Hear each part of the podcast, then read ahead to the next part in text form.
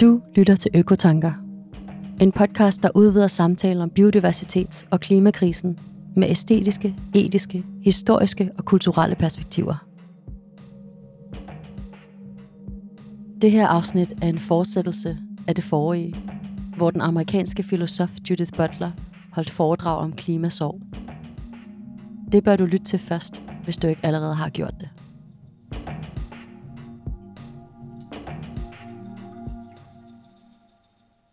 Efter foredraget får Butlers selskab af lektor ved Københavns Universitet, Mikkel Krause Fransen, og deres samtale begynder sådan her. Okay, uh, before we begin, I would just like to say, wow, there are a lot of people here. It's so nice to see you all. And also that we've talked before in December 2020, or in fact, on Zoom. Yes. I was in Aalborg, you were not, because of the pandemic. Uh, and there we had a chance to talk under the headline, The Culture of Grief, about how your work on grief had been with you since the very beginning, from the AIDS crisis in the 1980s to your work on gender, and sexuality in the 90s, to the wars in Iraq and Afghanistan, and the politics of mourning in the early aughts, to the pandemic and the Black Lives Matter movement, for instance, in recent years, and all the losses and the deaths, all too many losses, all too many deaths in the US and around the world. And we had an occasion to talk a little bit about global warming and grief. And today we have invited you, and you gracefully accepted the invitation to talk even more about precisely that topic. And that pleases me for many reasons, and one of them being that I myself work a little bit on these issues. Ecological grief, as defined as grief directly related to environmental losses that you also talked about losses of land, of nature, of species, of human and non-human life. And of course, I mean, loss is, is part of being human, you might say, a normal reaction to abnormal circumstances. And in that sense, grief is a function of life, but as you have also shown, the opposite is also true, that life is a function of grief. And you might even go further and say that, that loss is sort of the cost of connecting or being connected to what is not you. So I'm really glad that we have a chance to talk about this uh, more thoroughly today, and you have already done so. And of course, you might say that there are losses and then there are losses. What I mean by that is that there are the losses that are part of being human and that are natural, and then you have the losses that are not natural nor necessary, but the direct result of decisions made in boardrooms, in parliaments, and the actions made by fossil fuel companies, and so on and so forth. And those are the losses that we're dealing with when we're dealing with climate sorrow. My first question would be for you to repeat basically what is it that you consider to be specific about ecological loss and climate sorrow, for instance, compared to losses in relation to wars or losses related to pandemic, if it even makes sense to speak of a difference. So just not getting to the bottom of the problem because it is as most problems bottomless, but, but sort of scratching the surface of the specificity of climate sorrow. Let me just say two things about your first remarks, and then I'll answer this last important question. Thank you. Thank you for helping to bring me here and to helping to bring my work into Danish, and I'm very grateful to you and also to your longstanding thinking about these issues. Mikael and Alfred Scholt both have been working on grief in ways that have been very engaging for me, and they have been very kindly engaging my work. So thank you. Maybe even before the AIDS crisis, of course, I come from a Jewish background, and my grandparents' siblings were all annihilated by the Nazis. So I grew up with a sense of a enigmatic and unfathomable set of losses, and and also with rituals of mourning that that seem to be very important to the very, how do I put it, um, the very closed Jewish community that I was part of. So that was important to me. And I learned some things from that, but I also came to reject some things like how. How mourning can turn into nationalism, for instance, or colonization, or things like that.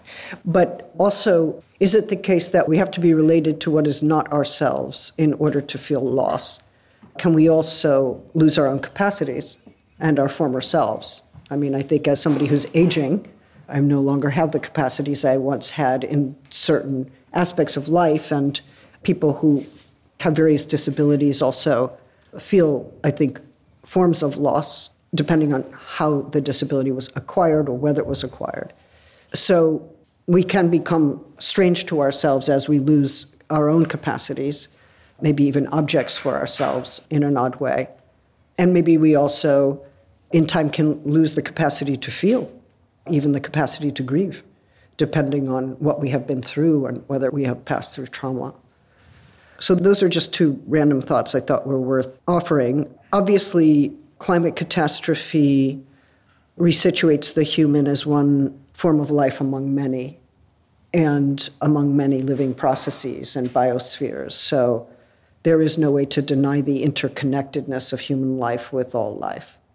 Because the destruction of the very conditions of life makes us mindful, or should make us mindful, of that interconnectedness.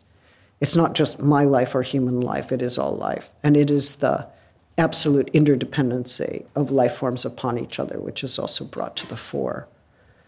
So I think we actually have to affirm that radical displacement of the human, even as we experience it as human, as a way of trying to fathom an unprecedented kind of loss, the loss of the condition of life itself. Extinction is not this or that loss, although the extinction of this species, the extinction of that species. But if the extinction of life forms as such is the ultimate end of climate destruction, then it is the condition of life and the future of life.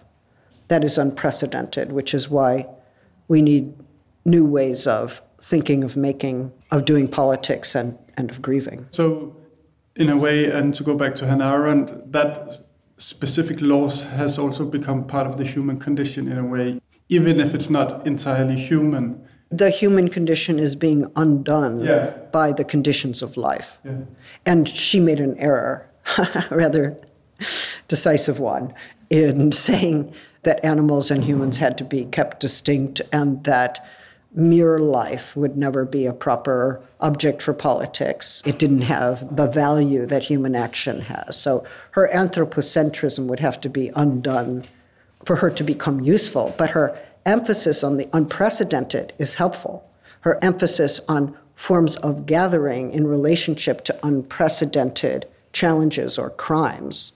And I think we can describe climate catastrophe as criminal. It's like the ultimate crime against not just humanity, but all living forms. So, how do we judge that? How do we assess that? I think she did have ways of offering us an approach to judging the unprecedented crime. She had Nuremberg in mind, but we have other kinds of atrocities that are currently happening. But I think we would have to reject the anthropocentric ontology, and I think they are separable. Hearing you speak today reminded me or made me realize how your thinking is rhythmic it's made up of rhythms. But of course, it's not only rhythms, there are also concepts involved, right? Uh-huh. And, and so the central ones are interdependency and relationality. And I would like you to expand on why and how that is a challenge to a certain type of liberal version of the self reliant, autonomous subject when emphasizing relationality and interdependency. Individualism has always been something of a lie. But we were fed it. I was fed it. No one's born an individual. Cavarero says that each of us have singularity, but that doesn't mean we have individuality. I like that distinction.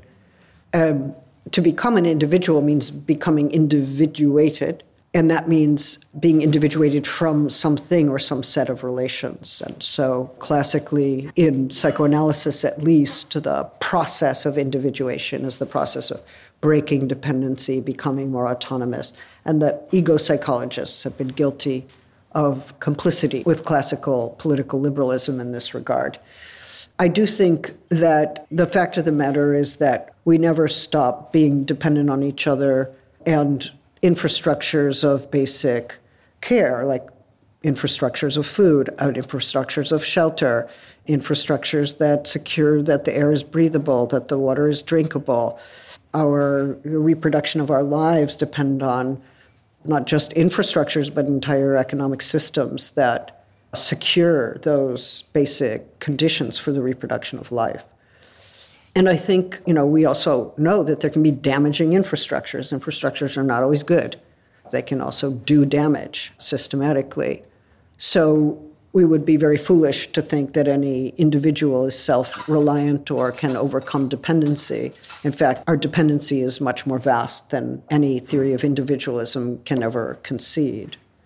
I think that's also why I might struggle to breathe under an asthmatic condition. but if I'm struggling to breathe certain kinds of air with asthma, let's say, other people are too because other people have asthma and either the air is breathable for people with asthma or it's not. And I think also people get asthma by being exposed to certain kinds of pollutions over time and being steadily exposed to certain kinds of toxins.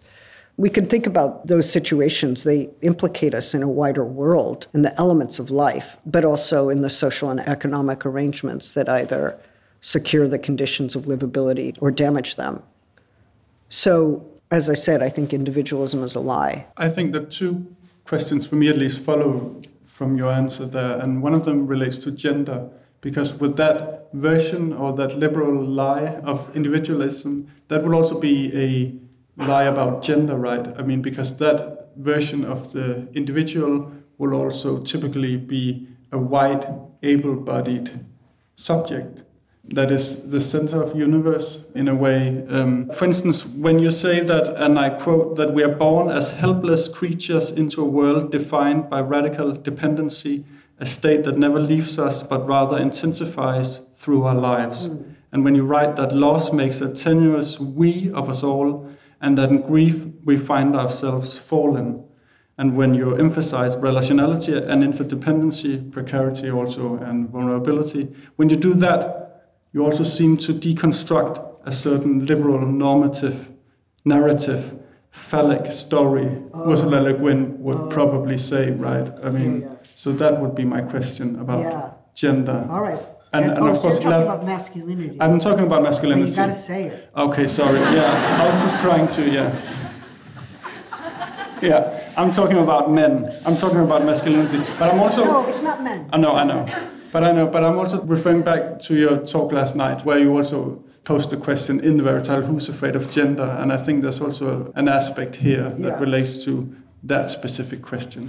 I mean, I do think there's a masculine norm that is part of classical liberalism and is also part of ego psychology that prizes independence over dependency and that seeks to overcome dependency in efforts to establish I think, a spurious uh, notion of independence. Okay.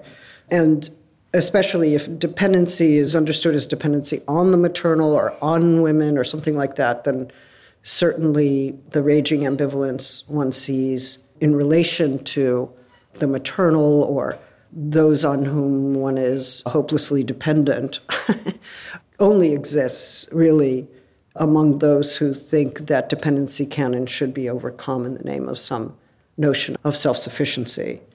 But here again, it's not men, it's, no. it's a norm of masculinity, which luckily has been changing. And I think that something called men, sociologically considered, is being socially and historically recreated all the time. And in relation to masculine norms, but sometimes against them, and sometimes reproducing them in new directions. So, men, in my view, have never been the problem. No.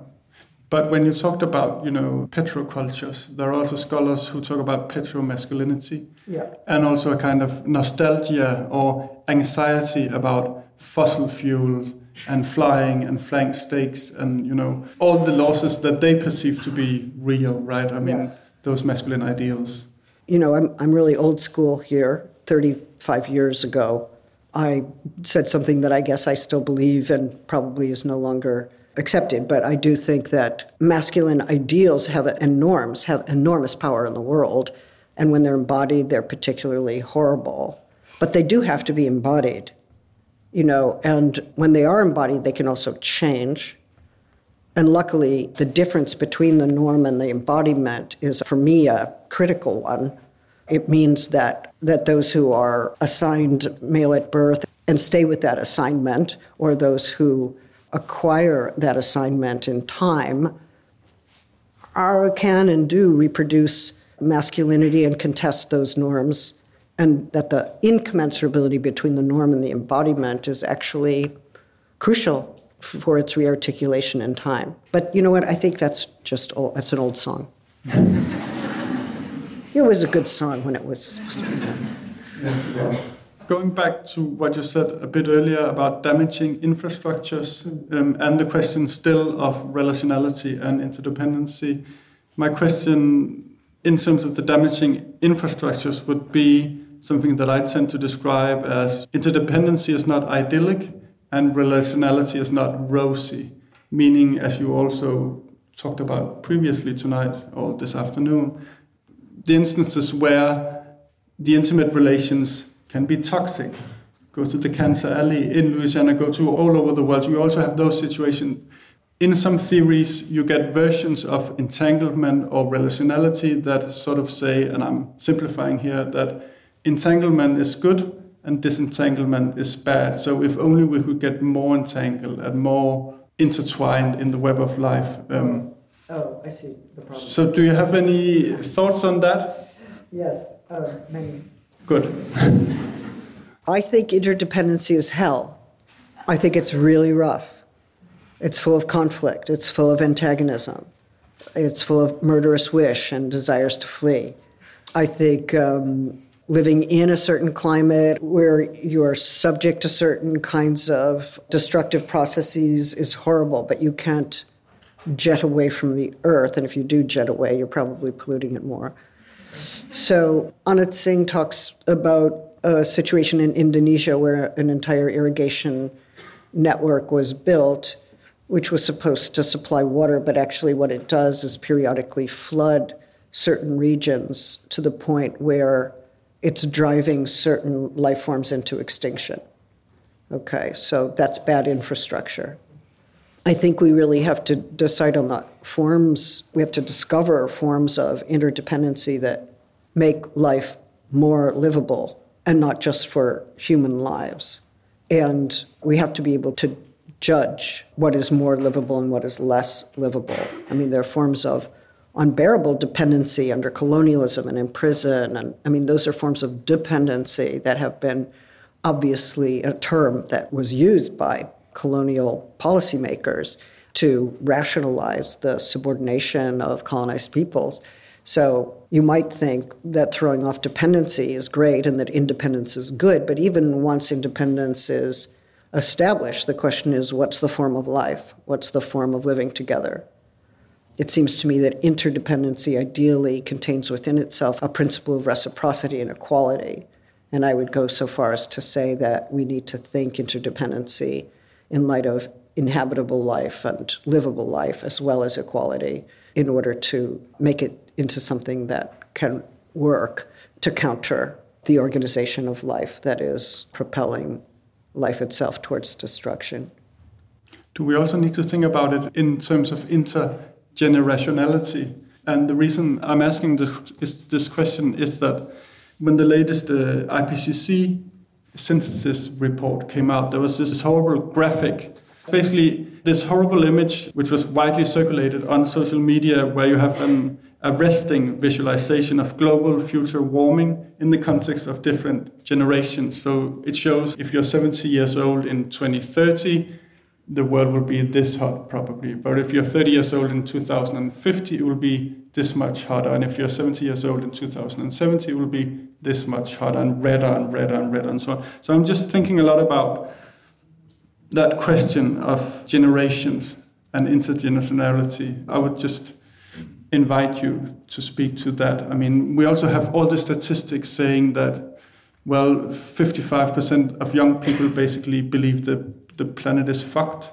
Uh, in so many words, and uh, the 38 or 39 percent of young people who are also considering not having children because of they're realistic about the present state of the world, but also its future. In general, I want to say this that yes, young people are suffering. They, many, if not most young people, have a sense that there may not be a future for them. The only young people I know who are interested in the future are working for Google or Yahoo and, and accumulating capital because they can only imagine accumulating more. And accumulation becomes the idea of the future. But if you have unpayable debt, then the future is already just, I mean, your debt's going to outlive you. So, depending on where you are in that. But the climate catastrophe is, of course, and I also think the acceleration of war and where I live, the gun violence and police violence. I mean, there's so many things that have plunged younger people into uh, radical despair about the future. I think that's right. I worry why we talk about generations. I'm not sure the generational discourse serves us because it strikes me as centralizing reproduction in imagining different ages. so we could say older people feel this way, or maybe younger people feel this way. But I mean, for many decades now, feminists have been arguing you don't have to have children to have a perfectly great life. And a lot of people don't have children and have perfectly great lives.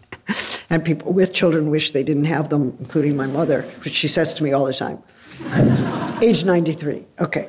So I don't want reproductive desire to be the gauge of despair because it's always been the case that reproductive desire is either there or not there.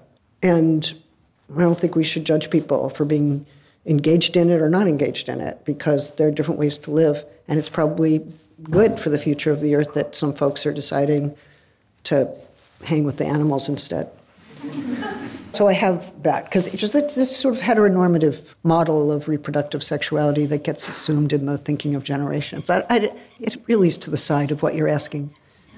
No, but I don't think it is. I think it's crucial to it. But I'm also thinking that maybe that way of thinking in terms of anticipatory grief that you also addressed and yeah. thinking about future generations it doesn't necessarily have to be your generation or your children. But maybe young people can be young people first and foremost without necessarily being somebody's children. Yeah. Yes. And old people can be old people without necessarily first and foremost being somebody's parent or grandparent. In other words, we can refer to age differences without immediately assimilating that age difference into a familial structure.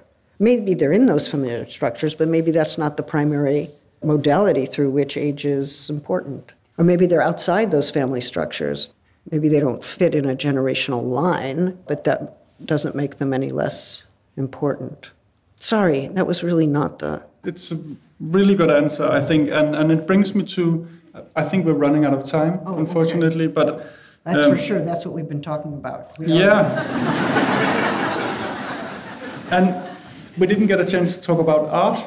Ah, yeah. Yeah, and we didn't get a chance to talk really about activism and the themes of this festival that we've been doing. It's yeah. been pedagogy, and of course, what we just talked about also yeah. relates to the question of pedagogy, yeah. which I think is one of the most crucial issues today, really. I mean, how do we go about that? I mean, let me say one thing that I think I should have made more clear, but was just implied. You know, I actually have respect for the Situationist legacy and art activism of various kinds, and I think performance art can be part of that. And performance studies and performance art has always had a critical relationship to museum spaces. So it's always interesting to me when it enters into the museum or it happens outside the museum or on the street or wherever. The proscenium can be any number of spaces. It doesn't have to be in the theater or in the museum.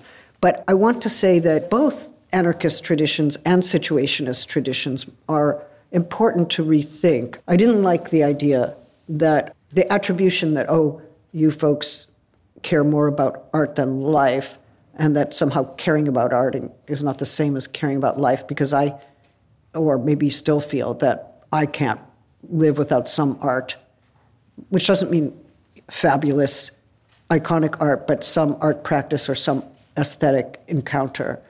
And I actually think art can be regenerative, even if in a difficult way, or put us face to face with the problems of, of creation in the midst of unbearable times. So I'm all for the jolt. but I want the jolt to be sustained. I don't want it to just be this moment that then leaves us. How can that jolt become part of a transnational practice that's happening in different sites and persisting in time and will persist as long as this climate catastrophe is with us. So I just want to make clear that my commitments are there. And just one very last question. And, and I think we can transition from jolt to joy. And I, I could ask a question, and I will ask a question about the relation between grief and hope, or the questions of desire and joy that are also part of the grieving process. You write somewhere that grief is also a process of transformation. Something is being transformed, and I mean, grief can reorient you in the world. So it's just thinking about that as a way of ending, not necessarily on a hopeful or joyous note, but also thinking about the title of your most recent book is What World Is This? But I'm thinking also that question is accompanied by another question, which is what world do, do we want? Yes. If we can still ask that question, which I hope we can. But I just want to say that, you know, a lot of grieving involves not just gathering, but music and sometimes song, sometimes prayer, sometimes rhythm. It's hard to grieve without rhythmic wailing. Yes. So, rhythm and song, maybe musicalities, has a relationship to grief that I think ought not to be underestimated. And in several major demonstrations over the last 20 years, including Tahrir Square and in Egypt and Taksim in Istanbul, people stood up in the middle of enraged grief with signs that said public happiness. it's like, where did Hannah Arendt come in again? But, you know, what is that public happiness? And can the, those who gather to mourn and gather to resist, what is that happiness? And even in the movement for Black Lives, which was a mourning, mourning for not just George Floyd, but for the incredible number of uh, black people whose lives have been vanquished by police violence in the US. There's song, there's dance, there's music, there's grief, there's rage, there's resistance, there's, there's solidarity. And I think we have to remember, I mean, analytically, as academics, like, oh, grief is over here and joy is here, and then, but actually, these are complicated, dynamic interrelationships, and we need to grasp the scene in both its horror and its potential. Thank you. Thank you.